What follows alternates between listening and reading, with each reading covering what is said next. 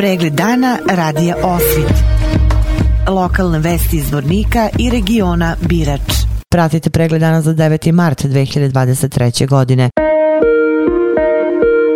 U organizaciji grada Zvornika i misije OEPS-a u Bosni i Hercegovini danas je održana edukativna radionica o pisanju projekata koja se sprovodi u okviru jačanja kapaciteta organizacije civilnog društva. Koliko su važne ovakve radionice, koordinatorka OSC-a Jasmina Omčina. U Zvorniku smo u cilju jačanja kapaciteta organizacija civilnog društva kada je u pitanju pisanje projekata na temu socijalnoj kohezije, odnosno socijalne uključenosti i e, osim ove radionice imat ćemo ćemo još jednu radionicu gdje ćemo pripremiti prijedlog projekta koji će biti spreman da se dostavi eventualnom donatoru, odnosno gradskoj upravi. Ove godine iz budžeta grada je izdvojeno oko 45.000 konvertibilnih maraka za projekte nevladinih organizacija i oko 20.000 konvertibilnih maraka za nevladine organizacije koje su registrovane kao omladinske. Načelnik odelenja za privredu i društvene delatnosti grada Zvornika, Darko Stefanović.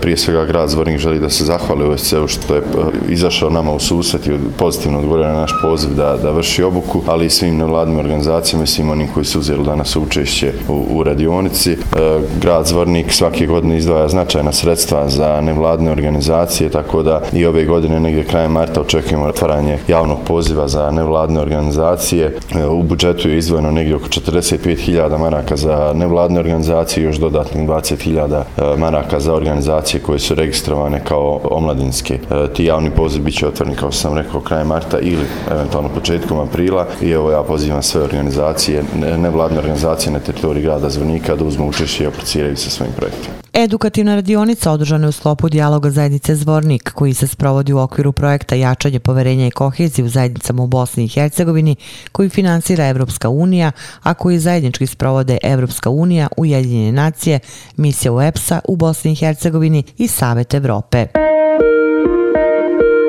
Za sve ljubitelje klasične muzike, osnovna muzička škola Vojn Komadina organizuje koncert posvećen Danu žena.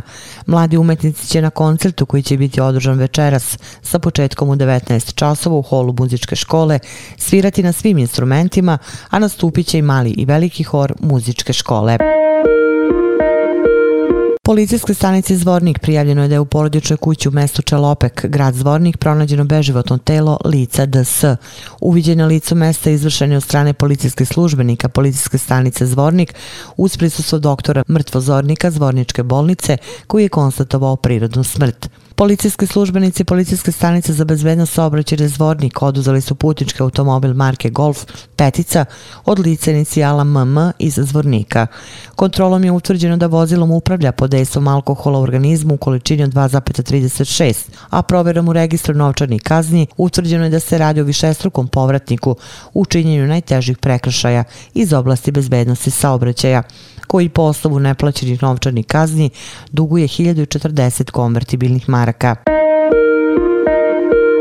Zoran Stevanović, novoizabrani predsjednik uprave Alumine, juče je gostovao u emisiji ATV-a i imao izjavu za Kapital.ba. On je za portal Kapital.ba govorio o rekordnoj zaradi od 26 miliona konvertibilnih maraka u prošloj godini i da u ovoj godini planiraju jednu veliku investiciju od 20 miliona konvertibilnih maraka, koja će podići kapacitet proizvodnje persipitiranih hidrata proizvoda po kojem je Alumina prepoznatljiva. On je potvrdio da će uprava Alumine u budući imati sedam umjesto dosadašnjih pet članova. Nove članove je imenovao stečajni upravnik fabrice Glinice Birač, Miodrag Petrović. Novi članovi su rukovodilac nabavke i logistike u Alumini Stevo Savić i Jovan Tomić, direktor preduzeća Vodovodi komunalije Zvornik. Gostujući na televiziji ATV, Stevanović je rekao da je Alumina velika kompanija u kojoj se promene dešavaju iz sata u sat, te da su žive aktivnosti svakodnevne i istakao da je prethodni menadžment uradio puno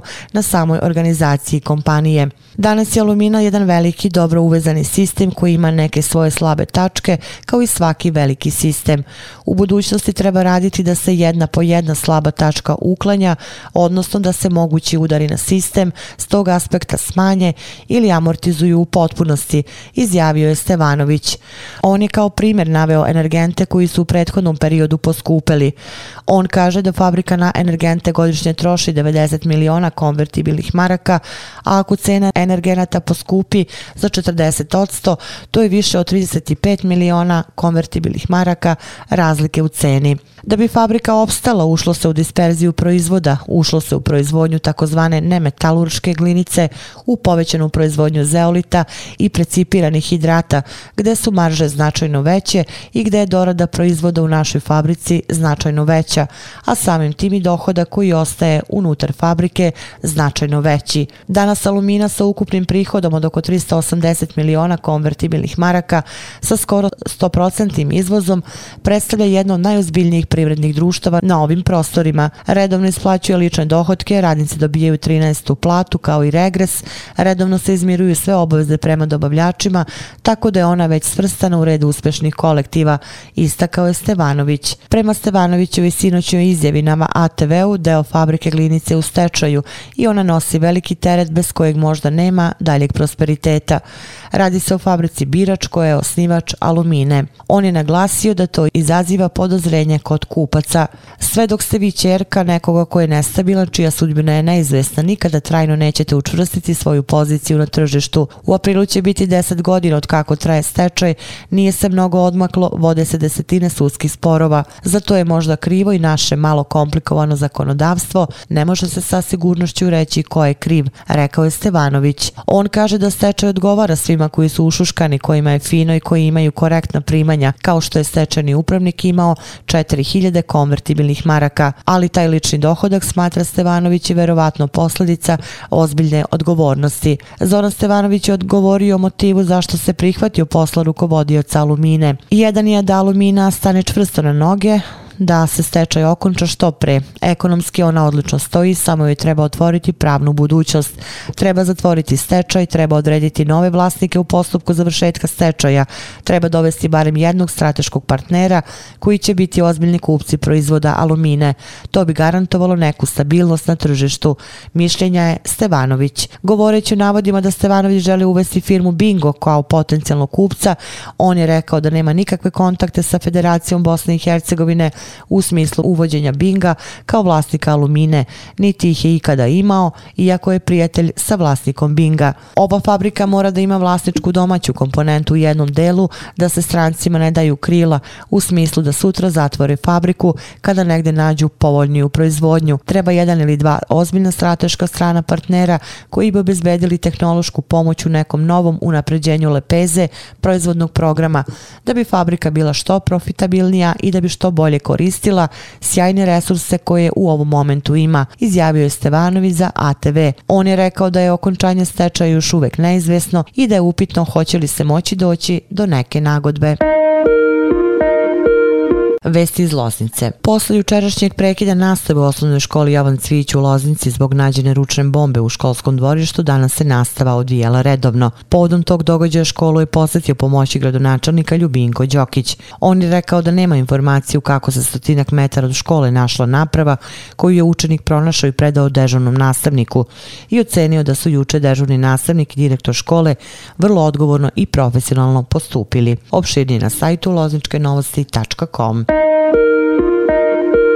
Pratili ste pregled dana za 9. mart 2023. godine. Hvala na pažnje. Pregled dana radija Osvit. Lokalne vesti iz Vornika i regiona Birač.